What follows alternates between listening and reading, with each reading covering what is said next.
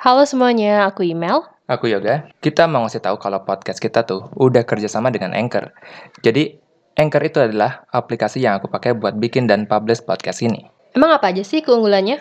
Easy to use, gampang banget buat dipakai. Selain itu, dalam aplikasinya ada fitur-fitur yang kita perluin buat bikin podcast. Nah, hebatnya lagi, Anchor bisa bantu distribusiin podcast kita ke Spotify dan berbagai macam platform lainnya. Satu lagi nih, Anchor 100% gratis guys. So, download aplikasi Anchor dan mulai podcastmu sendiri.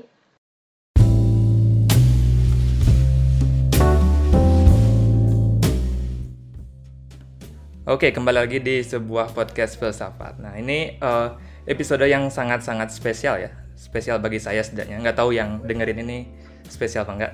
Uh, karena di SPF untuk pertama kali ada ada tamu. Uh, kalau untuk podcast yang temanya filsafat harusnya ya uh, tamunya mungkin uh, Pak Franz Magnus Suseno atau Bu Karlina Supeli atau bahkan Rocky Gerung harusnya gitu. Tapi yang pertama saya undang malah stand up comedian. Waduh. Oke, okay. siapa lagi kalau bukan uh, Bang Adriano Kalbi. Ye ye ye. Halo Bang, apa kabarnya Bang? Baik, baik, baik, baik. Gue tuh sebetulnya eh ya nggak kurang paham kenapa orang-orang merasa gue tuh berfilsafat. Tapi gue happy untuk diundang. Ya ada lah dikit. Filsafat kan malah uh, abang tuh bikin apa pemikiran baru gitu yang bit, bukan apa yang udah ada diulang-ulang lagi gitu. Iya. Nah, Oke mungkin biar uh, perkenalan dikit ya, uh, mungkin yang dengerin ini belum semua tahu uh, Bang Adri ini, uh, dia adalah seorang stand up comedian ya, dan juga merangkap podcaster ya, ya Bang ya. Iya. Uh, sekarang podcastnya ada podcast awal minggu, terus sekarang mulai merambah ke podcast-podcast lain ada di Happy Broken Family dan juga uh, Musuh Masyarakat. Ya. Lebih suka dia anggap stand up comedian apa podcaster, Bang? Uh, biar stand up comedian lah, karena kan sebetulnya podcast itu kan hanya media ya, hmm. seperti, seperti di YouTube, TikTok, Instagram itu kan dia hanya media gitu. Uh, esensinya saya ini ya komedian gitu. Iya, oke. Okay. Terus mungkin uh, biar abang tahu juga uh, SPF itu apa kan mungkin under the radar dari Bang Adri biar tahu di sini kita uh, biasanya mendiskusikan gitu ya pemikiran-pemikiran uh, filsuf gitu jadi dijelaskan mungkin yang dari Yunani kuno yang dari Socrates, Plato dan lain-lain sampai yang modern ya. uh, mungkin saya ya. jelaskan dengan sesimpel mungkin biar tujuannya biar orang lebih mudah paham aja bahwa filsafat tuh nggak sesusah itu kok gitu ya dan sejarahnya juga saya juga terinspirasi dari Bang Adri bahwa uh, dulu kan buat latihan gitu ya latihan stand up. Saya juga latihan public speaking karena jujur dulu tuh nggak sama sekali nggak bisa ngomong gitu ya. Jadi pakai aja buat sarana latihan dan ternyata banyak yang suka gitu. Ya. Oke tapi sebelum mulai ya bang kalau ngebahas tentang mungkin pemikiran ya. yang baru dan lain saya sebenarnya kesel bang. Kesel banget. Karena apa LSSA nggak ada di Denpasar. Kenapa bang? Nah, jadi gini. Pertama kita mencoba melempar peminat, tapi uh, tapi uh, responnya kurang yeah. baik di Denpasar. Nah, dan dari TDIP pun uh, kami itu sebenarnya kesulitan uh, waktu itu uh, jualan di Denpasar. Tapi tapi nih sebetulnya uh, kami lagi dalam pembicaraan uh, untuk menambah satu kota lagi yaitu Denpasar. Jadi ya. semoga ini uh, goal kalau ini Mantap. gol ini akan terjadi malah setelah Jakarta. Setelah Jakarta. Jadi ya sekalian promo dan sekalian promo dan informasi uh, nyebarin informasi aja. Uh, tur ketiga saya lo semua sama aja uh, akan jalan. Ini ini uh, kalau ini di taping hari Rabu, uh, Jumat akan jadi kota pertama di Bekasi. Um, dan habis itu kita akan keliling dan semoga uh, Bali masuk line up. Ini yeah. lagi dicari ini ini urusan matematik sebetulnya halo? Halo? Ya, ya. dengar nggak dari tadi? Tadi dengar dengar. Masalah gitu ya perhitungannya. Okay. TDYP ya. rame seingat saya kemarin? Uh, ya karena uh, pengen itu mencarinya 300 orang. Iya. dan ngitung di bawah 300 tuh agak sulit sebetulnya gitu. Oke, tapi kalau setelah Jakarta Tapi mungkin kemarin ya. Nah mung- mungkin kita lagi mau menghitung ulang kalau skalanya lebih kecil tuh perhitungannya bagaimana ya kalau ketemu kita jalan. Iya. Oke. Tapi gue sih pengen, gue pengen, Iya. gue pengen banget. Em, ya tapi kalau setelah ke Jakarta sih saya udah nggak di Bali sih bang tapi ya gitulah Oh, oke bang lagi bang. pasrah aja Mana? Emang di Bali berapa lama ini? Sampai 18 September aja bang habis itu baru berangkat Oh, oh, udah berangkat ke ini ya, beasiswa ya kamu ya? iya Ya, sayang sekali ya gimana? ya nah, dari digital downloadnya aja Ya siapa tahu di Bandung ya nggak bagus lagi kita lihat. Iya. Oke. Eh, mungkin eh, mungkin sedikit kita pindah ke beneran ngomongin filsafat. Kalau Bang Andri mungkin ada mempelajari apa? Filsafat tertentu, mazhab tertentu mungkin yang disukain. Wah, saya sih sebetulnya saya sih nggak nggak sedalam itu ya. Apalagi kalau sampai disebut mazhab gitu. Iya.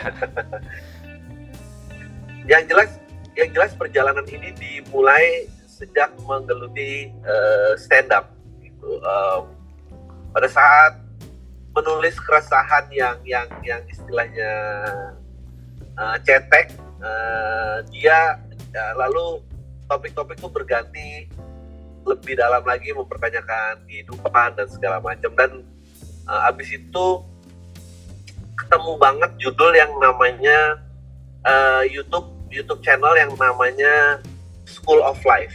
Oh iya. Nah di School of Life itu eh, banyak banget pengenalan filosofer eh, dalam semenit dan dua menit. gitu. Eh, mungkin yang paling banyak eh,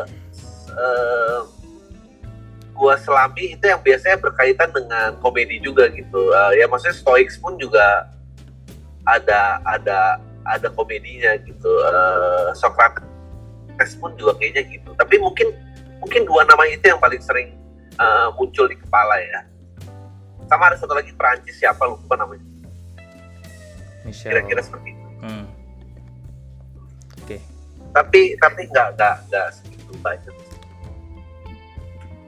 Oke ya. Berarti itu ya. Berarti mungkin eh, lebih ke apa ya? Filsafat Yunani kuno gitu ya, yang abang tertariknya. Ya Ya, jadi kalau di filsafat apalagi kan kita kan mempertanyakan hal, tapi kalau saya konekin ke komedi gitu ya, pertanyaan filosofisnya menjadi eh, apa ya? What make eh, what makes things funny gitu. Jadi kenapa kenapa hal satu hal itu lucu gitu kan? Itu yang pertanyaannya sering. Kenapa sih kita tertawa? Kenapa hal itu menjadi lucu gitu kan? Itu yang filsuf coba pecahkan ber, beribu-ribu tahun, tapi sebenarnya filsuf juga tidak terlalu tertarik dengan komedi ini gitu. Jadi sa- sangat sedikit saya sudah cari-cari sangat sedikit filsuf yang membahas komedi. Tapi mungkin dari abang mungkin ada ide gitu. Mungkin dari komedian sendiri apa ya kira-kira yang membuat satu hal itu lucu? Ah, oke. Eh, perta- eh kalau Mark Twain tuh dia apa penulis apa filsuf jatuhnya penulis lah ya. Penulis ya lebih. Dia nggak nggak ya, dia nggak masuk filosofi. Ya Mark, Mark Twain eh, itu salah satu gagasan yang eh, orang yang punya gagasan banyak yang saya sangat be- bercermin dari situ. Em, eh, di kalau ditanya apa apa yang membuat orang tertawa sebetulnya pada esensinya em, ada ada buku yang dikarang komedian gue lupa judulnya. Eh, dia dia percaya bahwa otak yang punya ide yang membuat kepalanya aha itu otak sama yang bereaksi pada saat mendengar joke. Jadi hahaha itu hanya perpanjang perpanjangan dari aha. Hmm, Em, eh, dia jadi kalau dari dia tuh ada sebuah kebenaran yang kita tidak pernah akui lalu dia datang dengan mengejutkan gitu. Jadi otak tuh jadi jadi kayak punya ide aha bener juga ya. Jadi jadi eh, instead of aha dia hahaha ah iya bener juga ya gitu. Ah, at least itu di di di jenis komedi yang yang saya nikmati. Gitu. Hmm. itu satu. Kedua kenapa tertawa itu uh, karena um, kalau dia mengambil jalur uh, self deprecating ya yang merendahkan diri sendiri orang lain tertawa karena ada rasa saya ini ternyata lebih beruntung Uh, jadi kayak kita melihat mentertawakan orang yang kepleset pisang itu sebetulnya di dalam diri kita kita merasa lebih beruntung. Uh, jadi saya rasa ada dua itu ya kayak jadi ada kebenaran yang kita tidak pernah lihat datang secara mengejutkan, lalu kita juga tiba-tiba tersadarkan uh, kita hidupnya lebih beruntung. Nah, jadi kayak lebih superior gitu ya, Bang ya? Ya, dan sebenarnya saya juga sudah cari dan memang betul apa yang uh, Bang Andri bilang karena di filsafat itu ada tiga teori humor yang yang paling apa ya yang orang sering gitu ya uh, bahas gitu ya. Yang pertama tadi superior teori apa superiority teori gitu. Jadi dia memang merasa lebih superior jadi ngelihat orang jatuh gitu dia merasa lebih baik dirinya gitu kan. Terus ada relief teori jadi uh, merasa lega. Jadi ada teori yang bilang kalau ketawa itu terjadi ketika suatu ada tertahan kayak mungkin ada penahan gitu mungkin atau uh, dark joke atau apa kan jadinya ketahan ketawa nggak ya tiba-tiba ya. lepas relief gitu jadi ada yang kedua relief teori dan terakhir itu apa ya incongruity teori itu jadi yang berupa keganjilan jadi ada yang lah mungkin yang kayak apa ya apa sih namanya itu yang komedi yang tiga itu yang dipatahin terakhir gitu ya. Jadi rule ada yang three. ya rule of three. Jadi kayak ada keganjilan mungkin itu ya. Itu tiga teori yeah. humor yang uh, sering dibahas di filsafat gitu. Ya. Yeah. Terus mungkin uh, saya agak sedikit panjang ngomong ya, sedikit ya, Bang ya. Uh, apa, Jadi habis itu karena di DSPF kita memang agak ngebahas secara teoretikal, jadi saya harus uh, jelasin ke audiens tentang teori-teorinya gitu. Oke. Okay. Okay, terus uh, setelah uh, itu yeah. ya ada juga nah sekarang ada teori baru yang berdasarkan saintifik ya. Tadi itu kan masih secara filosofi aja. Yaitu ada benign violation theory gitu. Jadi uh, dianggap gitu ya te uh, ketawa itu muncul dari apa mock aggression play. Jadi kayak apa ya bercanda, permainan bercanda. Kita saintis ngelihatnya tuh dari Cimpanze gitu dia jilat dari simpanse uh, bermain dengan lawannya itu kan kita apa hewan uh, mungkin anjing kucing dan lain-lain kan bermain gitu. Mereka saling mencakar tapi mereka tahu itu non threatening benign gitu tidak tidak berbahaya. Dan ketawa itu laughter itu merupakan sinyal gitu ya bahwa uh, everything is okay. Jadi tidak tidak berbahaya. Jadi uh, dari sana gitu muncul ketawanya di diperkirakan saintis dari uh, bahwa itu adalah sinyal bahwa everything is okay gitu. Jadi jadi benign violation theory ini bilang uh, hal lucu itu ketika hal itu ada pelanggaran violation tapi yet juga non threatening benign aman gitu. Jadi dua hal itulah yang mereka bilang uh, membuat suatu hal itu lucu. Jadi kalau yang violation aja pelanggaran aja tidak lucu. Kayak orang jatuh sampai patah meninggal itu nggak ada lucu-lucunya gitu. Tapi ya. yang ya, yang benign saja yang aman-aman saja kayak menggelitik diri sendiri itu nggak ada lucu nggak bikin kita ketawa ya itu memang aman aja gitu yang lucu adalah ketika yang violation yang suatu pelanggaran tapi juga aman gitu tenang gitu itu yang di dibilang uh, membuat suatu hal itu lucu gitu Nah terus uh, kasih kasih link kasih linknya dong di DM di DM gue. Oh ya nanti ya bang ya. Gue pengen baca. Ya. Terus uh, dia saya dua saintis ini McGraw and Warren ini um, bilang bikin contoh gitu kayak bahwa ada contoh aja dari mereka ya uh, bahwa ada gereja yang apa mengundi Hammer SUV untuk merekrut member-member uh, baru gitu. Dan findingnya adalah yang ketawa ya orang yang tidak ke gereja tapi yang ke gereja itu menganggap itu uh, ofensif atau tidak apa ya tidak lucu gitu jadi uh, perlu ada jarak gitu ya di sana nah sekarang mungkin pertanyaan saya ke abang kayak kasus uh, teman abang nih yang kemarin uh, bang Patra hmm. kenapa ada yang ya. bilang lucu, ada yang enggak? Apakah karena jaraknya gitu, yang cowok tidak relate, sedangkan cewek ngerti bahayanya, pentingnya uh, apa parkir perempuan itu?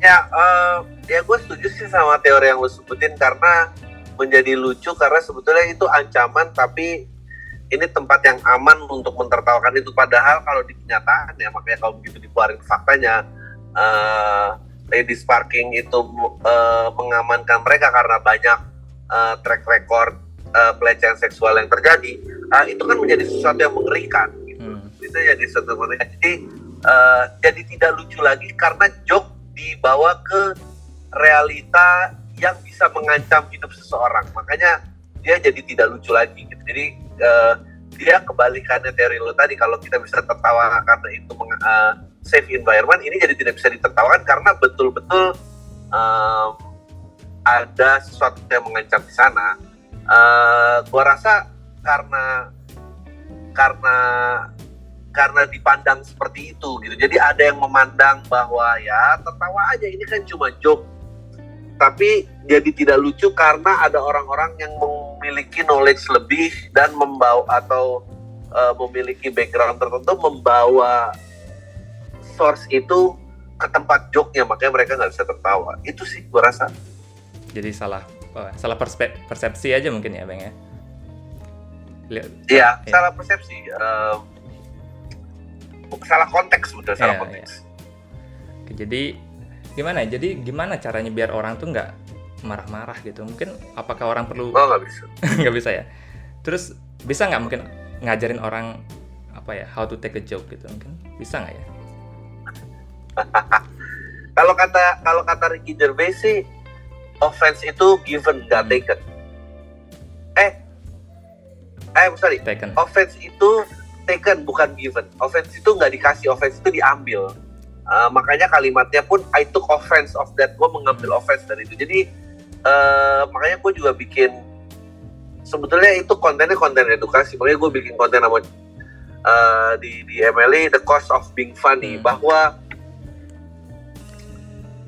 uh, sejatinya uh, melucu itu butuh korban. Jadi kalau gue mau tersinggung, joke se harmless apa pun itu bisa diambil sisi tersinggung. Ya, tapi mereka maksudnya yang uh, tim-tim seberang nih yang SJW ini kan mereka belajar, maksudnya mereka udah MBS 2, S3, masa nggak ngerti how to take a joke gitu, masa gimana gitu? Uh, nggak, tapi gini, tapi gini, nah. ini bukan menurut gue 100% salah SJW-nya. Hmm. Menurut gue uh, uh, offense merasa offended itu juga datang.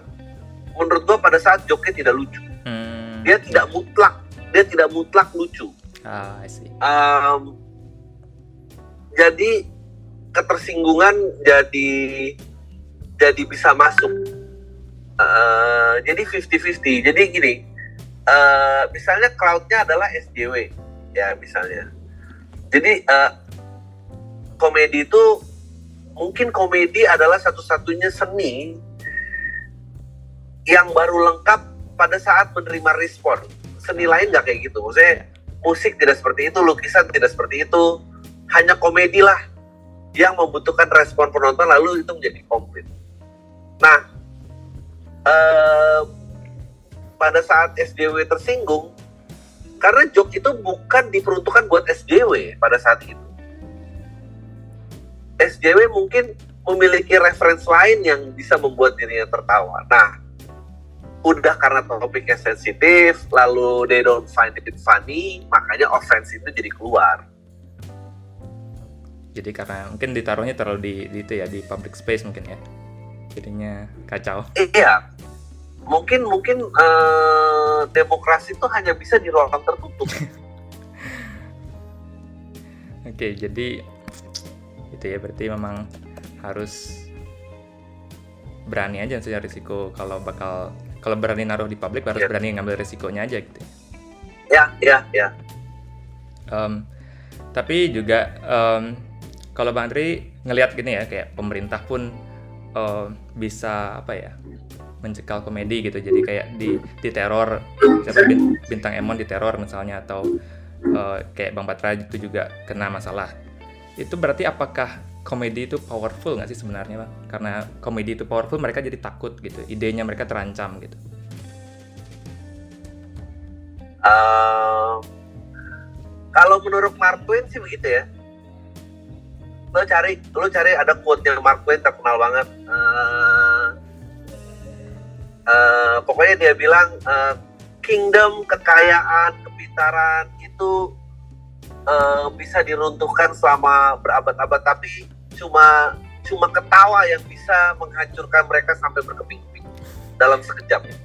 Nah, pokoknya gue lupa awalnya tapi belakangnya itu nothing stood still against the attack of laughter. Nah, jadi dia bilang kalau kerajaan ini apa dibangun tuh mungkin diruntuhinnya uh, piece by piece, tapi nothing stood still against the attack of laughter. Uh, Mark Twain sih beranggapan seperti itu ya.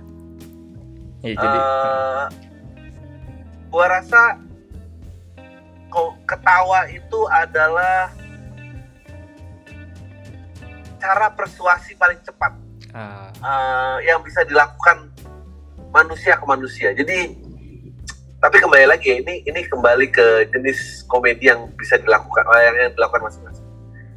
Uh, kalau lu sifatnya sangat argumentatif dan dan dan menghadirkan sudut pandang yang jarang dibahas, sebetulnya ketawa itu juga hadir dalam bentuk persetujuan. Jadi yang tadinya dia nggak di situ, dia bergerak ke situ dan, dan dia tertawa. Uh, pada dasarnya seni itu kan untuk menggerakkan ya, hmm. baik perasaan apalagi jadi tindakan. Nah, komedi itu menggerakkan gitu. Dalam hal ini persepsi orang. Um, uh, ya menurut Mark Twain ya tahta kerajaan apa itu semua nggak bisa berdiri kalau udah diketawain. Oke jadi jadi sebenarnya bisa dipahami mungkin bisa bilang dipahami bahwa kenapa sampai ada yang apa ya uh, men-cancel komedian gitu dari pemerintah kayak misalnya maksudnya bukan pemerintah ya siapa pun oknum di belakang itu yang menteror dan jadi sangat dipahami karena mereka takut ide mereka dianggap remeh gitu ya dan jadinya nggak nggak nggak ada yang peduli lagi gitu dengan cost mereka ataupun apa pun itu. Iya, uh, mereka nggak gini, sa, sa, sa, nggak, mung, nggak, gua pokoknya ya mungkin mereka takut atau mereka juga merasa itu nggak lucu aja. Gua rasa ada juga itu nggak semua, nggak semua orang yang tersinggung karena takut ide runtuh nggak juga sih. Oh, iya. Ya juga sebenarnya kalau ada sedikit kisah memang ada uh, filsuf penulis juga sama Voltaire itu kan, kalau bang tahu uh, dia juga tidak sangat tidak suka dengan ide seorang filsuf namanya Leibniz yang mengatakan kalau bahwa dunia ini sudah all apa ya sudah dunia yang terbaik gitu ya dari segala kemungkinan yang ada.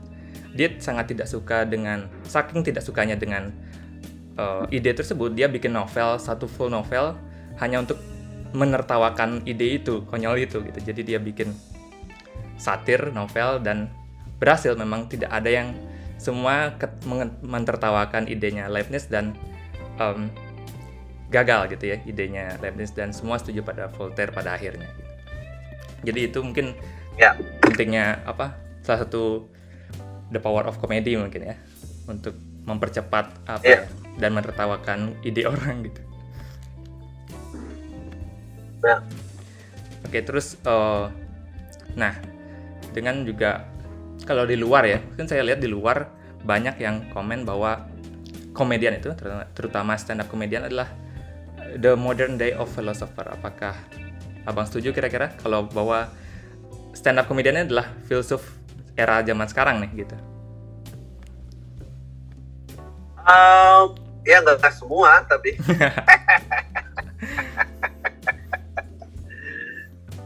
gue rasa uh,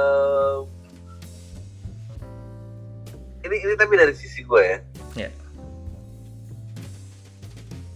Komedian yang dia merasa berfilsafat sebetulnya menurut gue dia mengkhianati fungsi aslinya. Hmm. Um, kalau di stand up luar negeri uh, uh, tepuk tangan itu kita nyebutnya clap trap itu perangkap tepuk tangan uh, sebetulnya mau ngomong bahwa kalau lebih suka ditepuk tanganin daripada dapatkan tertawa ya lo jadi orator aja karena gue merasa uh, end game-nya berkomedi adalah tawa gitu dan komedi dengan statement itu sebetulnya berbeda jauh gitu. Uh, komedi bisa memiliki statement gitu, tapi statement tuh nggak semua statement punya komedi gitu. Komedi tuh ada craft di dalam situ. Uh, ada ada punchline yang yang yang kita create sengaja gitu.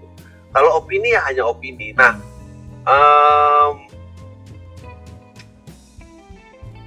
akhir-akhir ini tuh uh, opini dan komedi tuh uh, terlalu tipis jaraknya gitu dan dan um, apa ya gue sih gue sih tersinggung gue sih kalau ya gue suka komedi bang Adri karena bang Adri pinter. Lu gak mau suka gue karena komedi gue lucu aja ya? Maksud gue uh, itu itu sangat jebakan karena uh, gue paling takut gue tuh fasis dalam berkarya. Merasa merasa karya gue tuh lebih punya bobot lebih punya pesan. Uh, pada hal yang berhak menentukan itu jadi gue uh, berusaha. Kalau ditanya kayak gitu-gitu gue berusaha menjauh tuh dari ini ya mungkin ada kali yang berasa jadi filosofer mungkin dulu saya juga pas awal-awal dengar Bang Andri 2018 itu mungkin saya uh, ngira filsuf itu. Tapi sekarang saya menikmati aja bahwa itu lucu aja gitu. Jadi udah udah nggak apa ya ngelihat itu sebagai kebenaran itu bahwa ada sudut pandang juga yang bisa dilawan dari poin yang dari tapi yang pasti ya. perspektifnya Bang itu menurut saya emang lucu aja gitu. Ya, um, kebenarannya itu tidak kekal. Gue merasanya uh, kalau manggung off air, ya di momen inilah gue menjadi tonggak tonggak kebenaran dalam kelucuan. Tapi kalau dipreteli terus ditambahi research terus ada data korban dan apa semua runtuh gitu Kalah, itu, ya. dia tidak bisa berdiri sebagai kebenaran gitu. yeah, yeah, yeah. Uh, tapi apakah ada komedian-komedian yang mengunggah uh, pikiran orang dan bisa dianggap filosofer ya ya mungkin ada ya gitu. Mungkin mungkin mungkin itu bisa jadi pilihan orang-orang yang yang mau memilih itu. Tapi gue sih uh, ya gue nggak mau fasis dalam berkarya. Oke okay. okay, jadi uh, nah mungkin uh, apa ya lagi ya? Mungkin tentang ngelihat orang kalau di saya sih lihat Twitter tuh kesannya orang tuh semua marah-marah aja ya. Mungkin gimana ya biar lebih tenang lebih santai? Gimana sih mungkin menjalani kehidupannya lebih humoris tuh? Mungkin dari komedian gimana sih? Apakah sebenarnya kehidupan komedian tuh nggak humoris sama sekali di kehidupan nyatanya? Uh, yang gue lakukan uh, kalau gue uh, biar jadi lebih humoris uh, percayalah bahwa uh, kebenaran tuh bukan sudut pandang anda doang gitu. Uh, lo harus percaya itu gitu. Dan dan sebetulnya juga uh, sebetulnya sosial media tuh gudang komedi yang sangat besar. Karena semua orang-orang yang merasa memiliki influence itu merasa kebenarannya tidak bisa ditentang. Kan konyol ya orang yang mungkin adalah waktu itu gue lupa dongengnya apa. Pokoknya intinya cerita tentang raja yang uh, minta dibikinin invisible cloak ah, gitu. iya. Uh, si raja itu pokoknya percaya pokoknya kalau nggak kebenaran ada dia di sini. Pokoknya semua tuh ada di pusarannya dia sampai ada invisible clock semua dibunuhin yang mau bikin itu nggak bisa. Sampai ada satu orang yang membodohi gitu. Um, dan akhirnya dia dengan bangga pakai invisible clock itu sambil telanjang lalu ditertawai oleh uh, rakyatnya gitu. Nah gue tuh melihat sosial media adalah orang-orang yang seperti itu loh. Jadi uh, buat gue gue malah sekarang secara sengaja mengikuti orang-orang yang gue nggak setuju gitu. Karena buat gue menarik. Ah, ya. gue menarik lihat orang-orang yang kayak gila lu di otak lu pasti lu ngerasa pinter banget dan keren banget ya gitu. Uh, sebetulnya judul-judul spesial ya. gue yang, yang yang pernah gue keluarin itu bentuknya seperti ledekan tapi sebetulnya itu mantra yang gue omongin ke diri gue gitu dalam berkaca gitu. Biar gue nggak merasa seperti itu gitu. uh, lu pikir lu keren tahu dia yang pinter. Uh, lu semua sama aja bahwa gue pun juga sama aja. Jadi um, ya tadi gitu um, kalau orang punya tato adil sejak dalam pikiran dia pasti sudah dari dalam pikiran. Jadi uh, ya itu tips gue untuk menghadapi hidup biar jadi lebih humoris gue seneng banget yeah. gue seneng banget. Jadi gue nggak pernah mengambil ke hati lagi uh, segala sesuatu yang keluar dari sosial media. Jadi ngefollow orang yang bang apa Adri nggak suka itu mungkin juga nggak pengen mengerti orangnya apa emang biar sebel aja gitu? Enggak biar biar biar ada bensin aja di gua bahwa kayak tadi uh, si Tete itu filsafat itu yang dia satu punya pendapat satu lagi uh, jadi punya karya buku untuk menertawai pendapatnya dia dan uh, dan gua butuh bensin itu gitu. Jadi mereka adalah inspirasi inspirasiku sebetulnya. Bahan ya bahan materinya iya bahan. Oke mungkin dan buat uh, apalah gitu di iya. Ya mungkin udah. Apa nih? Udah. Karena zoomnya gratis ya? mungkin udah tujuh menit lagi. Mungkin um, ada mungkin habis berarti trilogi ya nih bang ya? Jadi dari tahu apa ya? Dari lo pikir lo keren tahu deh yang pintar sekarang lo semua sama aja ini mungkin sama. ya habis mungkin... trilogi itu aja cara penamaan aja. Gue pengen nggak lagi dengan gaya penamaan yang lain gitu tapi gue belum tahu apa. Ah berarti habis ini next ada lagi ya pasti ya bang ya? Stand up apa? Spesial. Kalau kalau diberikan uh, diberkati gue pengen sampai 60 gue pengen. Oke. okay. Uh, mungkin ada no. ya jadi screen capture. Bentar. Satu dua tiga. Satu dua tiga. Mantap. Thank you bang. Mungkin ada lagi pesan-pesan mungkin ah. buat promo mungkin? Um, apa ya pesan-pesannya? Uh, kalau mungkin misalnya merasa filosofi itu adalah sesuatu yang berat uh, ya mungkin kita harus uh, belajar lebih ringan lagi uh, dalam memandang sesuatu gitu. Karena uh, hidup tuh udah berat jadi kayak jangan uh, apa ya jangan diserius-seriusin jangan ditambah-tambahin beban nggak nggak perlu. Uh, jadi kalau belajar filosofi itu sebetulnya ya memperingat hidup gitu. Karena lu lebih mengerti how life works.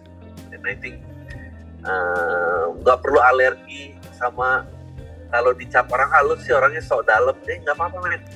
Percayalah memiliki kedalaman tuh mempermudah hidup percayalah. Nanti ntar lu akan ada di umur di mana kayak wah lu ngeliat temen-temen kira dia umur segitu belum tahu dirinya dia juga siapa. Dan itu menjadikan yeah. sedih emang ya itu juga motivasi saya kenapa filsafat karena memang saya dari background yang keluarga yang di desa di kampung ya di saya di Gianyar. Uh, kakek masih petani gitu kan jadi nggak ada yang ngasih tahu hidup tuh harus ngapain. Tapi ketemu filsafat sains dan lain-lain itu ketemu apa dengar bang Adri oh gini dunia tuh bekerjanya ya. kayak gini gitu. Jadi kayak dan membuat bukannya depresi atau apa dulu mungkin saya yang apa tipe orang yang bang Adri sering lihat itu yang yang benci akan dunia yang kenapa sih saya pengen dilahirin yang gitu-gitu dulu?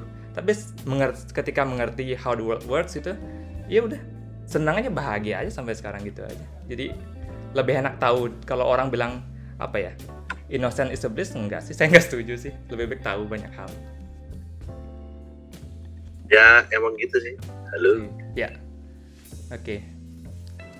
um, ya itu hmm. ya gitu aja sih paling berat lah gue sih uh, sama follow School of Life juga bagus. Oh, iya, itu mempermudah belajar itu. Ya saya nonton itu juga kok. Makanya tahu juga. awalnya juga dari sana sih juga kenapa bisa sampai suka filsafat. Mantap. Iya saya juga nggak pengen apa filsafat itu sekarang saya lihat terlalu apa ya mendarah gading itu yang jadi yang ngebahas ya udah di seminar kampus aja nggak ada yang lulusan filsafat ke mana sih nggak? Kok nggak ada yang kalau Socrates dulu kan dia ngasih filsafatnya tuh ke pasar ke alun-alun kota dia nggak di di universitas gitu kenapa pada sibuk yeah. di sana gitu Pengen. itu namanya preaching to the flock ngapain oke okay. ceramah kok udah paham iya apalagi bingung sih mau ngomong apa lagi kawan Nah, nggak apa-apa. Udah, Oke. terima kasih kok. Oke. Thank you.